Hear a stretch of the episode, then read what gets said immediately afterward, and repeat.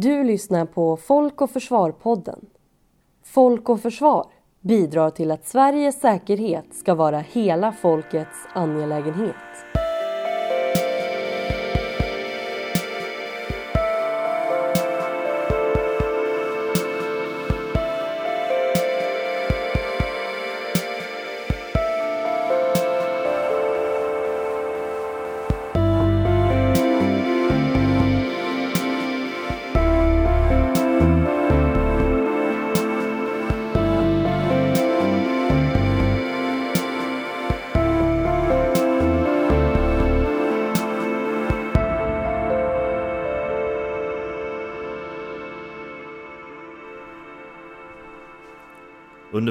Hade var tänkt att icke-spridningsfördragets översynskonferens skulle sammanträda i New York.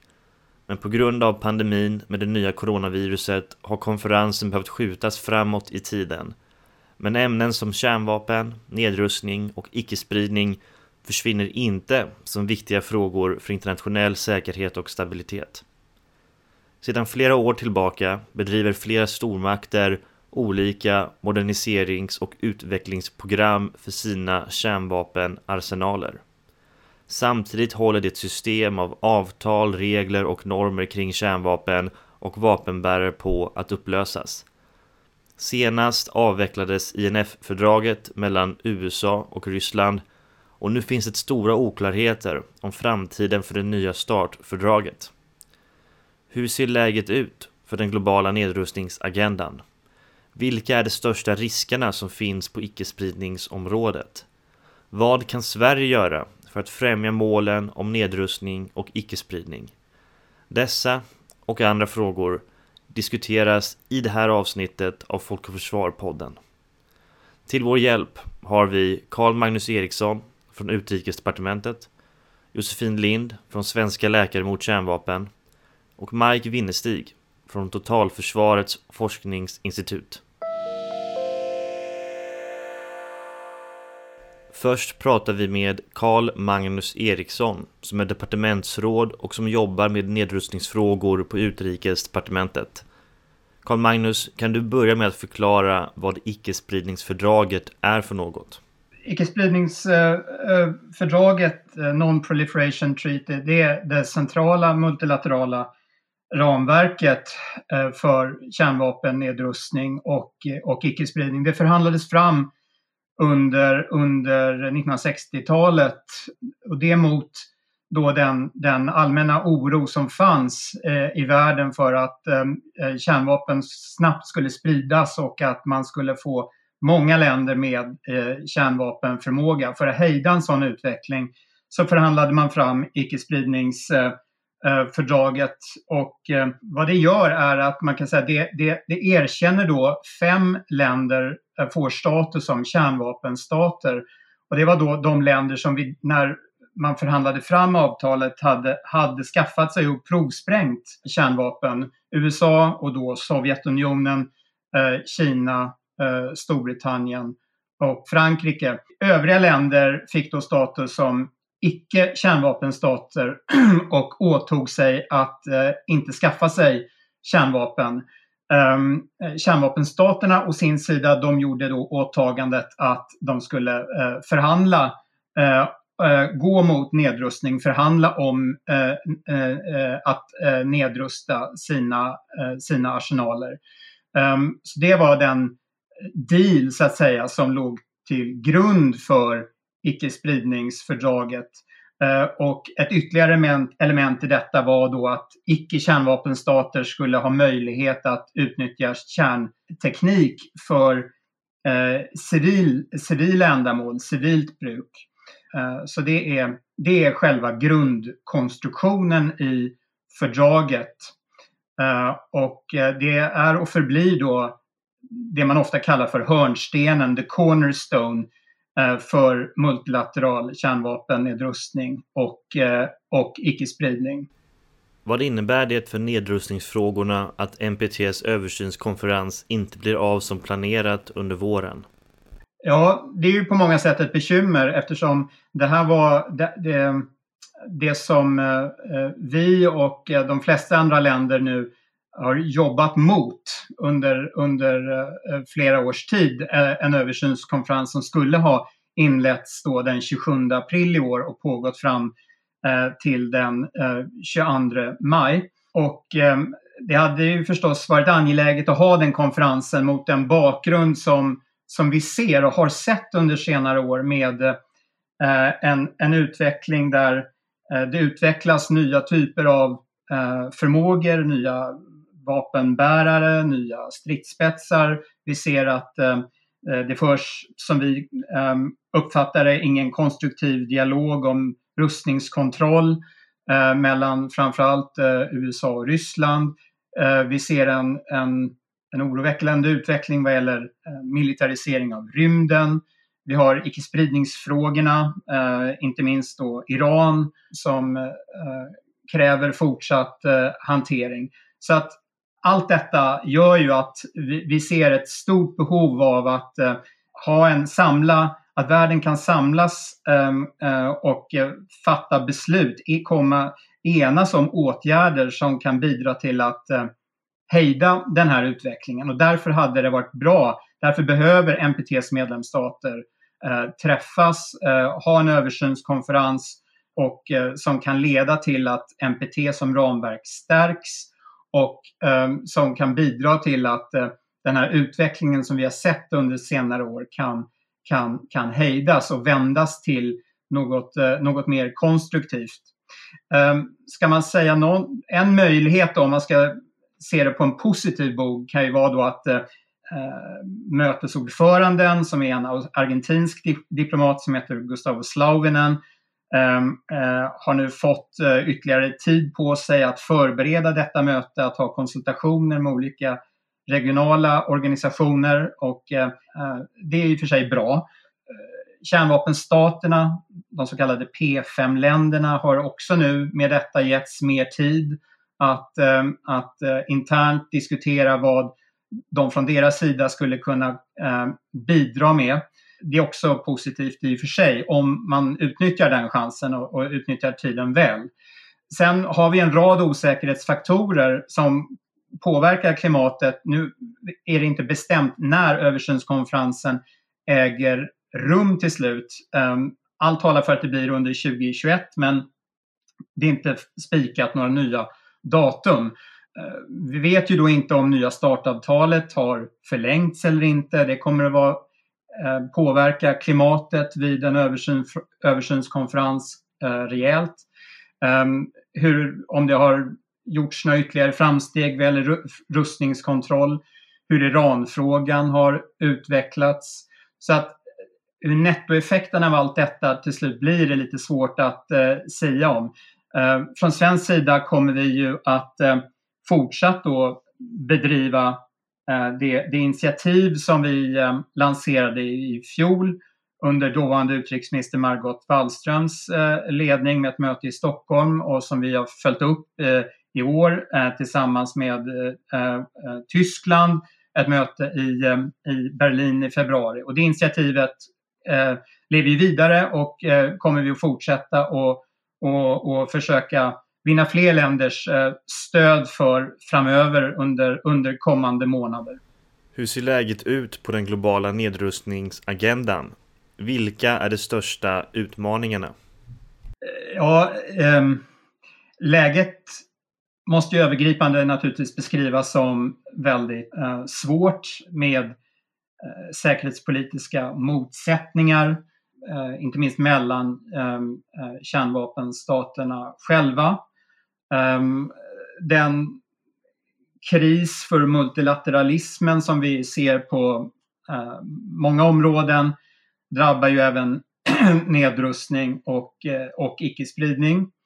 Vi ser hur prioriteringar och perspektiv skiljer sig åt mellan kärnvapenstater och icke-kärnvapenstater. Men även inom de grupperna så finns det ju motsättningar, polarisering och eh, en, en avsaknad av, av ömsesidigt förtroende som väldigt mycket hämmar eh, dialogen. Så man kan säga att det, det handlar, det finns ett eh, sta, starkt inslag av förtroendeunderskott. Eh, eh, några utmaningar är ju att eh, vi ser ju att eh, riskerna för Eh, någon form av kärnvapenanvändning eh, har, har, det är en allmän bedömning som görs och har gjorts under nu de senaste åren att den, har, den tenderar att öka. Och eh, olika typer av åtgärder för att minska eh, risken för kärnvapenanvändning. Det här är något som vi tar upp i vårt initiativ, Stockholmsinitiativet, och, och som eh, får allt bredare eh, anslutning. Eh, man talar om riskreducering. Det, det, det är en, ett område där vi menar att det, det vore väldigt viktigt med, med framsteg, framsteg eh, konkreta framsteg i det korta perspektivet.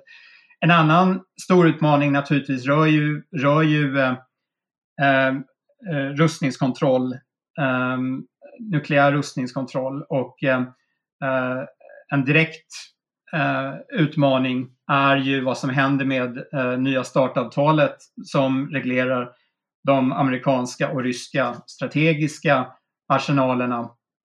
Det löper ju då ut i februari nästa år och eh, ännu finns inget eh, eh, ingen klarhet om vad som händer sen. Det kan då förlängas med upp till fem år eh, om eh, USA och Ryssland kommer överens om det. Och eh, det, det, har, det har Ryssland förklarat sig villigt att, att, ehm, eh, att göra men eh, am, från amerikansk sida har man ännu inte ehm, satt ner foten i den frågan. Och ehm, det är ett centralt avtal och eh, eh, eftersom INF-avtalet om medeldistansrobotar upphörde eh, i fjol så, så är nu nya start eh, liksom det, det, det, sista eh, riktiga skyddsnätet mot en mer oreglerad situation, eh, vilket vore farligt i ett läge när vi ser att det pågår på ganska bred front en förmågeutveckling eh, och därför så är det så angeläget att eh, nya start eh, kan förlängas. En utmaning är att också att hitta tillbaka till en gemensam och mer resultatorienterad agenda och ett nytt samarbetsklimat. Och det anknyter lite till vad jag sa tidigare om att eh, den här bristen på, på ömsesidigt förtroende som väldigt mycket hämmar hämmar samarbetet i, i de här frågorna och dialogen mellan kärnvapenstater och icke-kärnvapenstater och även inom de grupperna ska jag säga. Vad är Sveriges prioriteringar i nedrustnings och icke-spridningsområdet? Vi är engagerade på bred front. Ehm, ett, eh, en huvudfråga för oss eh, är det initiativ, Stockholmsinitiativet som, som lanserades i fjol och som vi ehm, eh, där vi tillsammans med 15 andra icke-kärnvapenstater och det är en bred koalition av länder där olika världsdelar är, är representerade. Vi har gått samman för en, som vi tycker, ambitiös men också realistisk agenda med förslag på åtgärder som vi hoppas att eh, man ska kunna komma överens om eh, i samband med översynskonferensen när den väl kan genomföras.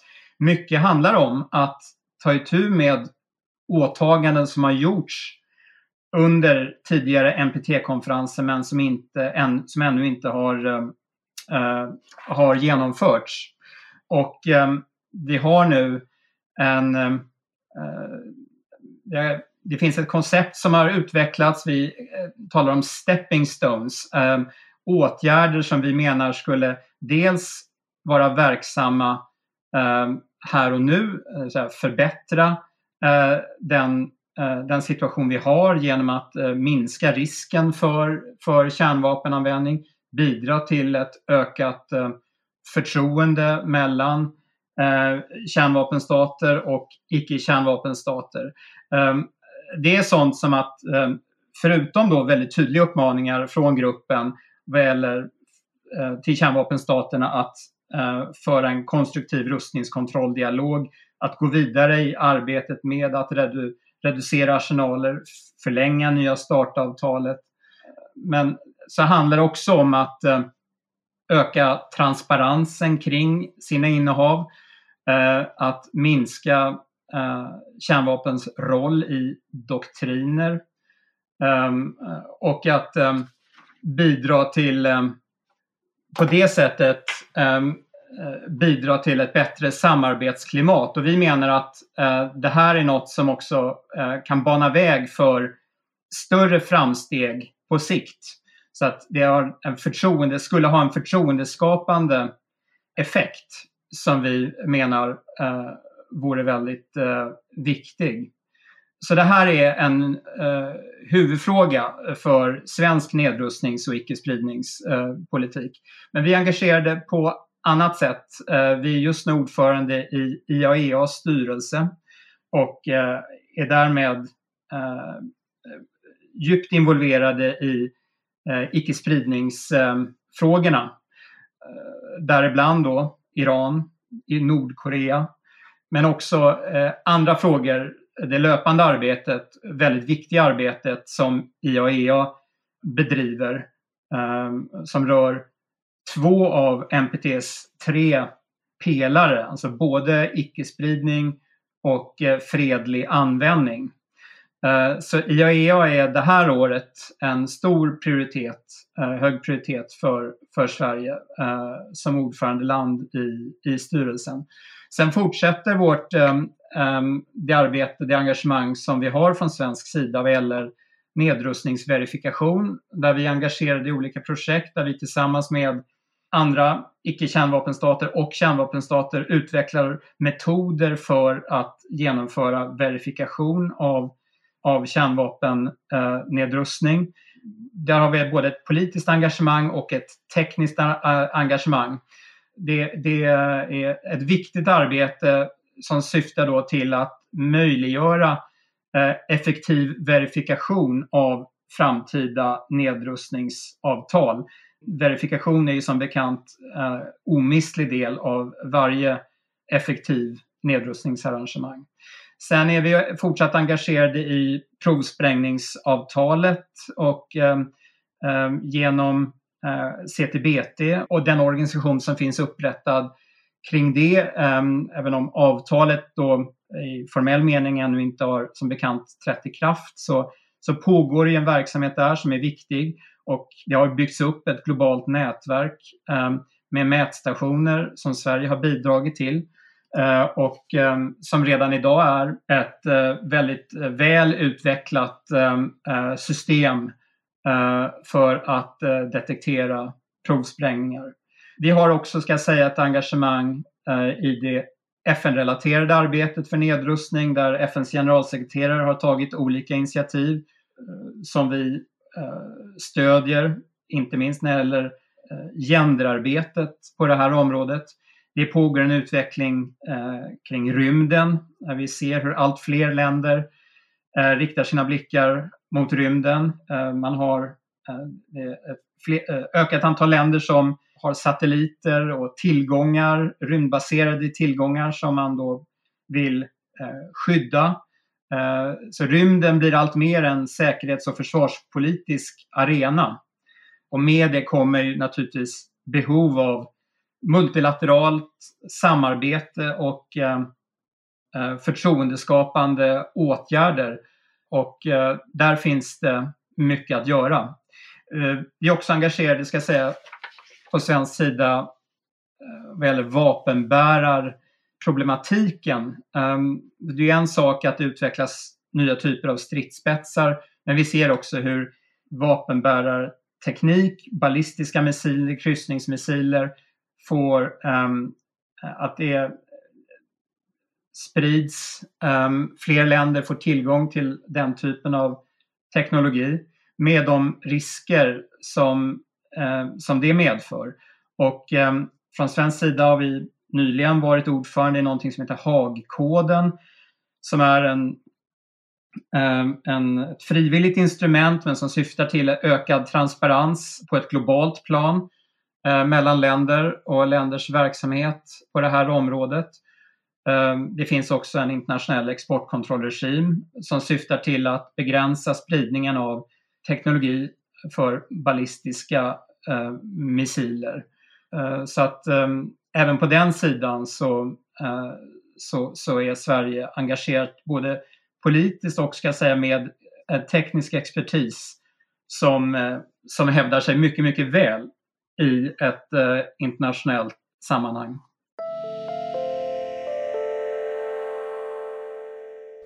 Vi ska nu höra från Josefin Lind som är generalsekreterare för organisationen Svenska läkare mot kärnvapen. Josefin, vad innebär det för nedrustningsfrågorna att NPTs översynskonferens inte blir av som planerat under våren? Ja, det är en, en svår fråga att eh, svara på sådär. Det kanske är någonting som eh, snarare ger sig allt eftersom. Eh, som vi kan se om ett år eller två eller fem år vad det hade för eh, innebörd. Men eh, det är klart att det, bli, det blir väldigt mycket som, som inte blir som någon har tänkt sig. Både i att själva konferensen inte äger rum. Eh, det är många, både stater och civilsamhälle som har hängt upp väldigt mycket på just översynskonferensen. Eh, många som har planerat eh, seminarier, diskussioner, anföranden, strategier, planerat att besöka, besöka översynskonferensen. Så att det är mycket som, som hamnade lite i ett, eh, ja det kastades upp i luften. Eh, liksom. Eh, men å andra sidan så är det ju egentligen rent konkret inte mycket som skulle behöva Eh, förändras. För nedrustningen ska ju fortgå. Det är ju inte bara för att man ska träffas och gå igenom icke-spridningsavtalet som är någonting egentligen som har med nedrustning att göra, utan nedrustningen sker ju separat. Inom icke-spridningsavtalet finns det ju egentligen inget, finns det inget, nedr inget konkret nedrustningsåtagande eh, förutom då de här åtaganden som man redan har gjort i, i action plans och i slutdokument. Så att egentligen borde det inte betyda någonting, men sen kanske egentligen den här pandemin betyder ännu mer. Att det är väldigt mycket fokus för nästan alla världens stater på att hantera pandemin istället. Så eh, det är väl det. Och i, i Sverige så, så, hade man ju sagt att eh, om icke-spridningsavtalet eh, har rönt någon framgång, om man under eh, översynskonferensen märker att det inte har hänt något och att översynskonferensen inte eh, är lyckad. Lite oklart, man har inte riktigt specificerat vad det vad en lyckad översynskonferens skulle vara. Men eh, då skulle man åter titta på frågan om FNs förbud mot kärnvapen. Så den frågan blir väldigt intressant vad som händer med det nu om man skjuter på det till när eh, översynskonferensen blir av eller om man tittar på den istället eller hur det blir. Så just den frågan var ju väldigt konkret att man hängde upp det på just översynskonferensen. Eh, och sen i, eh, i stort så var det ju mycket som planerades kring, kring översynskonferensen. Så det är klart att det, det påverkar ju. Hur ser läget ut på den globala nedrustningsagendan? Vilka är de största utmaningarna? Ja, läget ser egentligen ganska mörkt ut till stora delar. Eh, vi ser ju hur kärnvapenstaterna, de allra flesta, moderniserar och upprustar och de totala militära utgifterna, SIPRI kom med siffror nu häromdagen att eh, de är högre än någonsin och Hans eh, Christensen på Federation of American Scientists som är en av de tongivande inom eh, siffror och data kring kärnvapenarsenal menar att det är tydligt att kärnvapennedrustningen inte är på väg utan att eh, kärnvapenstaterna ser ut att ha som avsikt att behålla sina kärnvapen under en eh, lång tid eller oöverskådlig tid framöver. Och eh, något som har varit direkt oroande inför översynskonferensen som nu då har skjutits upp var att eh, framförallt USA, men jag tror andra kärnvapenstater också har börjat svaja och eh, säga saker som att eh, tidigare åtaganden och eh, löften man har gjort på, tid, på tidigare översynskonferenser inte längre är giltiga. Och då börjar man ju på riktigt utmana icke-spridningsregimen och eh, det fanns ju en stor risk att översynskonferensen faktiskt inte skulle kunna avslutas. Men sen finns det också ljuspunkter. Vi ser ju hur eh, FNs konvention om förbud mot kärnvapen allt närmre närmare, allt närmare kommer ett ikraftträdande. I, idag är det 16 staters ratificering som saknas. Så ehm, det, och det kommer ju påverka eh, kärnvapennedrustningen eh, naturligtvis i en, i en positiv riktning när det träder i kraft. Att det finns ett formellt eh, och kraftfullt förbud mot kärnvapen. Men de största utmaningarna är väl i dagsläget att förmå Eh, kärnvapenstaterna att faktiskt ta konkreta och reella steg eh, mot nedrustning och inte bara pensionera eh, gamla missiler och så, utan att faktiskt markant minska arsenalerna. Och även om vi ser att det är betydligt färre kärnvapen i antal idag än vad det var det kalla kriget så är den totala effekten av de vapnen är ju långt mycket värre. Så att någon konkret nedrustning kan man ju egentligen inte tala om trots att siffrorna har gått ner i, i antal. Och eh, jag tror att en av, eh, en av, en av de viktigaste eh, nyckel, nycklarna i att faktiskt pressa kärnvapenstaterna är att få de stater som inte har kärnvapen men som på något sätt inte riktigt vågar ta steget och ta avstånd från kärnvapen att faktiskt göra det. Dels genom att signera och ratificera FNs konvention om förbud mot kärnvapen men också att eh, avsäga sig eh, kärnvapenparaplyer. Jobba inom NATO, att avskaffa den kärnvapendoktrinen därigenom. Eh, och att eh, få de staterna att faktiskt riktigt, på riktigt ta avstånd, kräva att eh, utplaceringen av amerikanska kärnvapen i Europa försvinner. Och så, då tror jag man på riktigt kan påverka. Att bara kräva att kärnvapenstaterna ska nedrusta utan att själva riktigt ta ställning eller göra det obekväma tror jag blir ganska tandlöst. Hur tycker ni att Sverige agerar i nedrustnings och icke-spridningsområdet? Finns det något mer som vi kan göra? Jag tror att generellt så behöver Sverige fundera lite på vad man själv gör. Eh, Sverige sitter på något sätt kvar i tanken om att hålla stora anföranden i FN är det som ger nedrustning. Att bara för att man har sagt i ett eh, tal i FN att man eh, tycker att kärnvapenstaterna ska nedrusta så tycker man att man jobbar för nedrustning. Medan nedrustning är någonting som sker även här hemma. Absolut att Sverige inte har några egna kärnvapen men det finns ju många fler saker som Sverige kan göra för att tydligare ta avstånd från kärnvapen. Och eh, en av de sakerna är ju absolut att eh, gå med i FNs konvention om förbud mot kärnvapen och tydligt markera att, att använda och att hota om att använda kärnvapen är inte lagligt.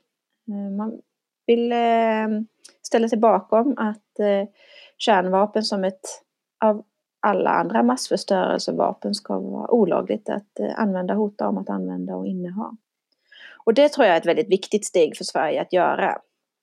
Sen finns det naturligtvis andra saker och det, Sverige gör ju redan mycket idag naturligtvis. Man har en dialog med kärnvapenstater och försöker påverka om man är väg, eller med i olika initiativ och försöker utveckla verifikationsbitar om kärnvapennedrustning och så vidare. Det är ju jätteviktigt. Och den här, eh, det här dialoginitiativet som Sverige har initierat, det så kallade Stockholmsinitiativet, att man vill få med sig lite mer konventionella stater att eh, gå ut och kräva nedrustning. Och det är ju naturligtvis inget, inget dåligt i det, men effekten av den typen av aktiviteter tror jag är väldigt måttfull. Jag tror att det är viktigare att Sverige gör saker själv, till exempel som jag sa skriver under FNs konvention om förbud mot kärnvapen, men också tydligare förbjuda att kärnvapen eh, förs in på svensk mark genom en lagstiftning. Man kan eh, i samarbeten med militära samarbeten med andra stater så kan man ha en, en klausul där det tydliggör att kärnvapen är förbjudet att ha med som komponent i de här övningarna eller samarbetena. För att markera och, och att det inte ska bli otvetydigt vad det är som gäller. Men man kan också ha någon form av eh, tydligare uttalanden eller policy eller någon slags lagstiftning om att positiva säkerhetsgarantier eller så kallade kärnvapenparaplyer inte får eh, utfästas över svensk del, att man inte accepterar att kärnvapen används eller hotas om att användas i Sveriges namn. Det är några sådana saker som jag tror verkligen skulle kunna sätta Sverige på kartan eh, och tydligt göra Sverige till en nedrustningsnation. Många av de andra staterna som faktiskt driver nedrustning på riktigt och, och initierade det här eh, arbetet med att förbjuda kärnvapen ingår ju i någon form av kärnvapenfri zon eller, eh, eller har utropat sig som en kärnvapenfri nation och så, sådär. Så jag tror att det är viktigt att det är, svår, det är svårt för Sverige att med trovärdighet driva nedrustningsfrågor samtidigt som man har svårt att på riktigt ta avstånd från kärnvapen i sina eh, militära samarbeten och, och andra samarbeten. Så det, det, tror jag verkligen skulle kunna vara ett sätt att stärka svensk nedrustningspolitik eh, och position som en nedrustningsnation.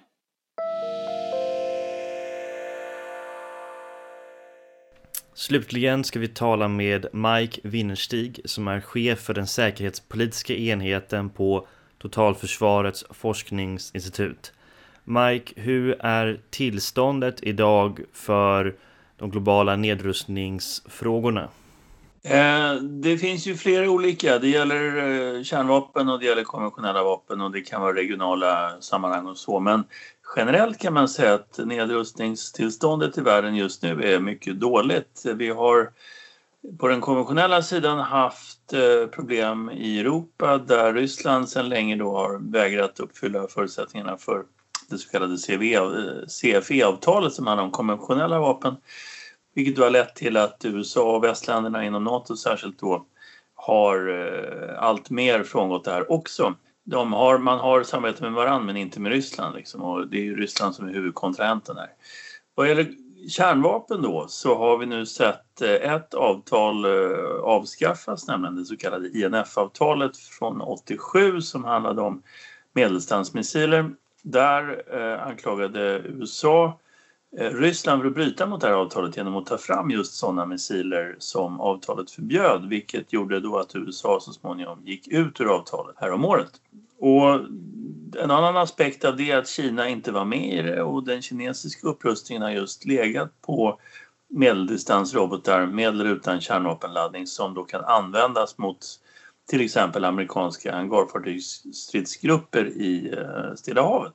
Och Kina är då ett land som, som USA vill ha med i nya förhandlingar. Det har dock Kina vägrat och har fått stöd av Ryssland i det. Ryssland ser sig gärna som en aktör som tillsammans med USA ska ta hand om sådana här saker bilateralt.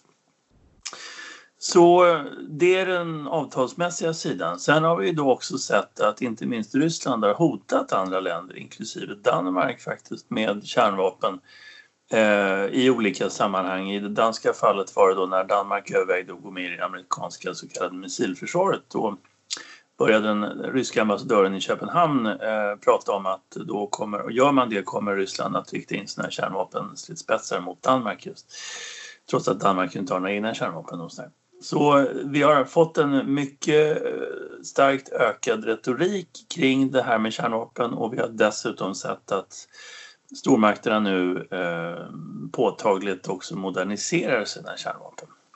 Så läget för nedrustning just nu är oerhört eh, begränsat. Jag skulle inte vara optimistisk alls vad gäller egentligen något av de större komplex som har med stormakternas eh, vapenupprustningar att göra. Vad är det som driver på att kärnvapenstaterna moderniserar sina arsenaler och att internationella avtal som reglerar exempelvis mängden av kärnvapen faller samman? Det är helt enkelt den allt sämre säkerhetspolitiska miljön eller det säkerhetspolitiska klimatet mellan framförallt de tre stormakterna USA, Ryssland och Kina. Där Ryssland är den allra minsta i termer av eh, ekonomi och befolkning och militär förmåga och sånt men där man har i stort sett en paritet med USA vad gäller just kärnvapen och till del även konventionella styrkor för övrigt.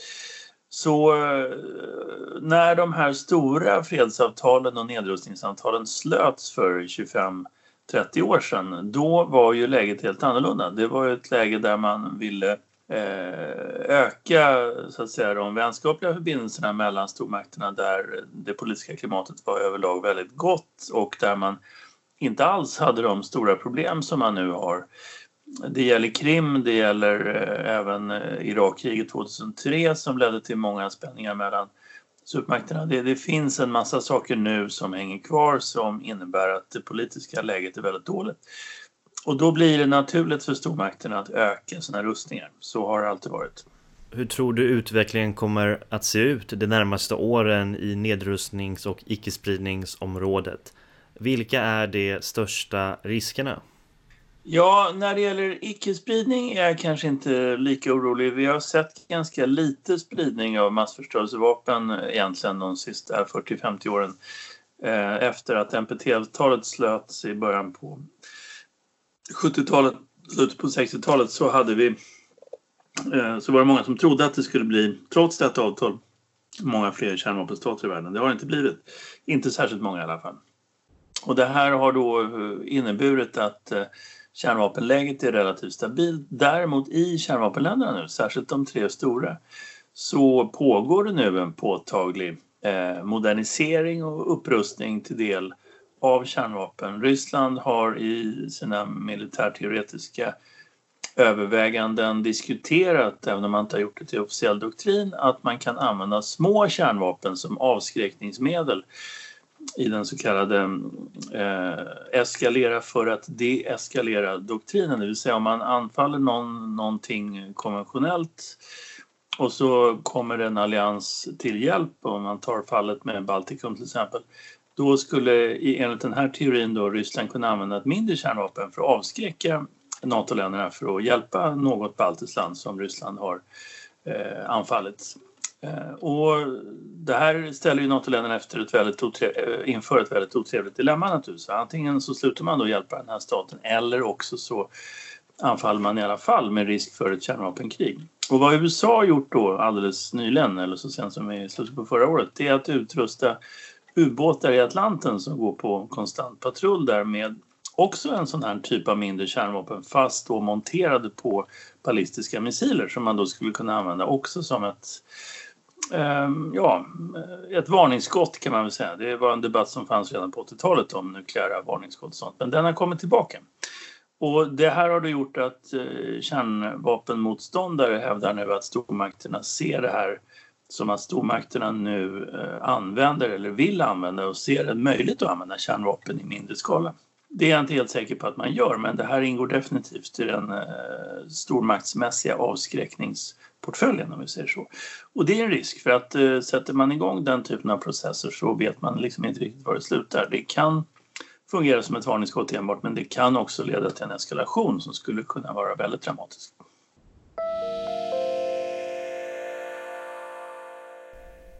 Du har hört Folk och Försvar-podden Medverkade gjorde Carl Magnus Eriksson, Josefin Lind och Mike Winnerstig. Podden är skapad av Sebulon Karlander och Maja Jonsson från Folk och Försvar.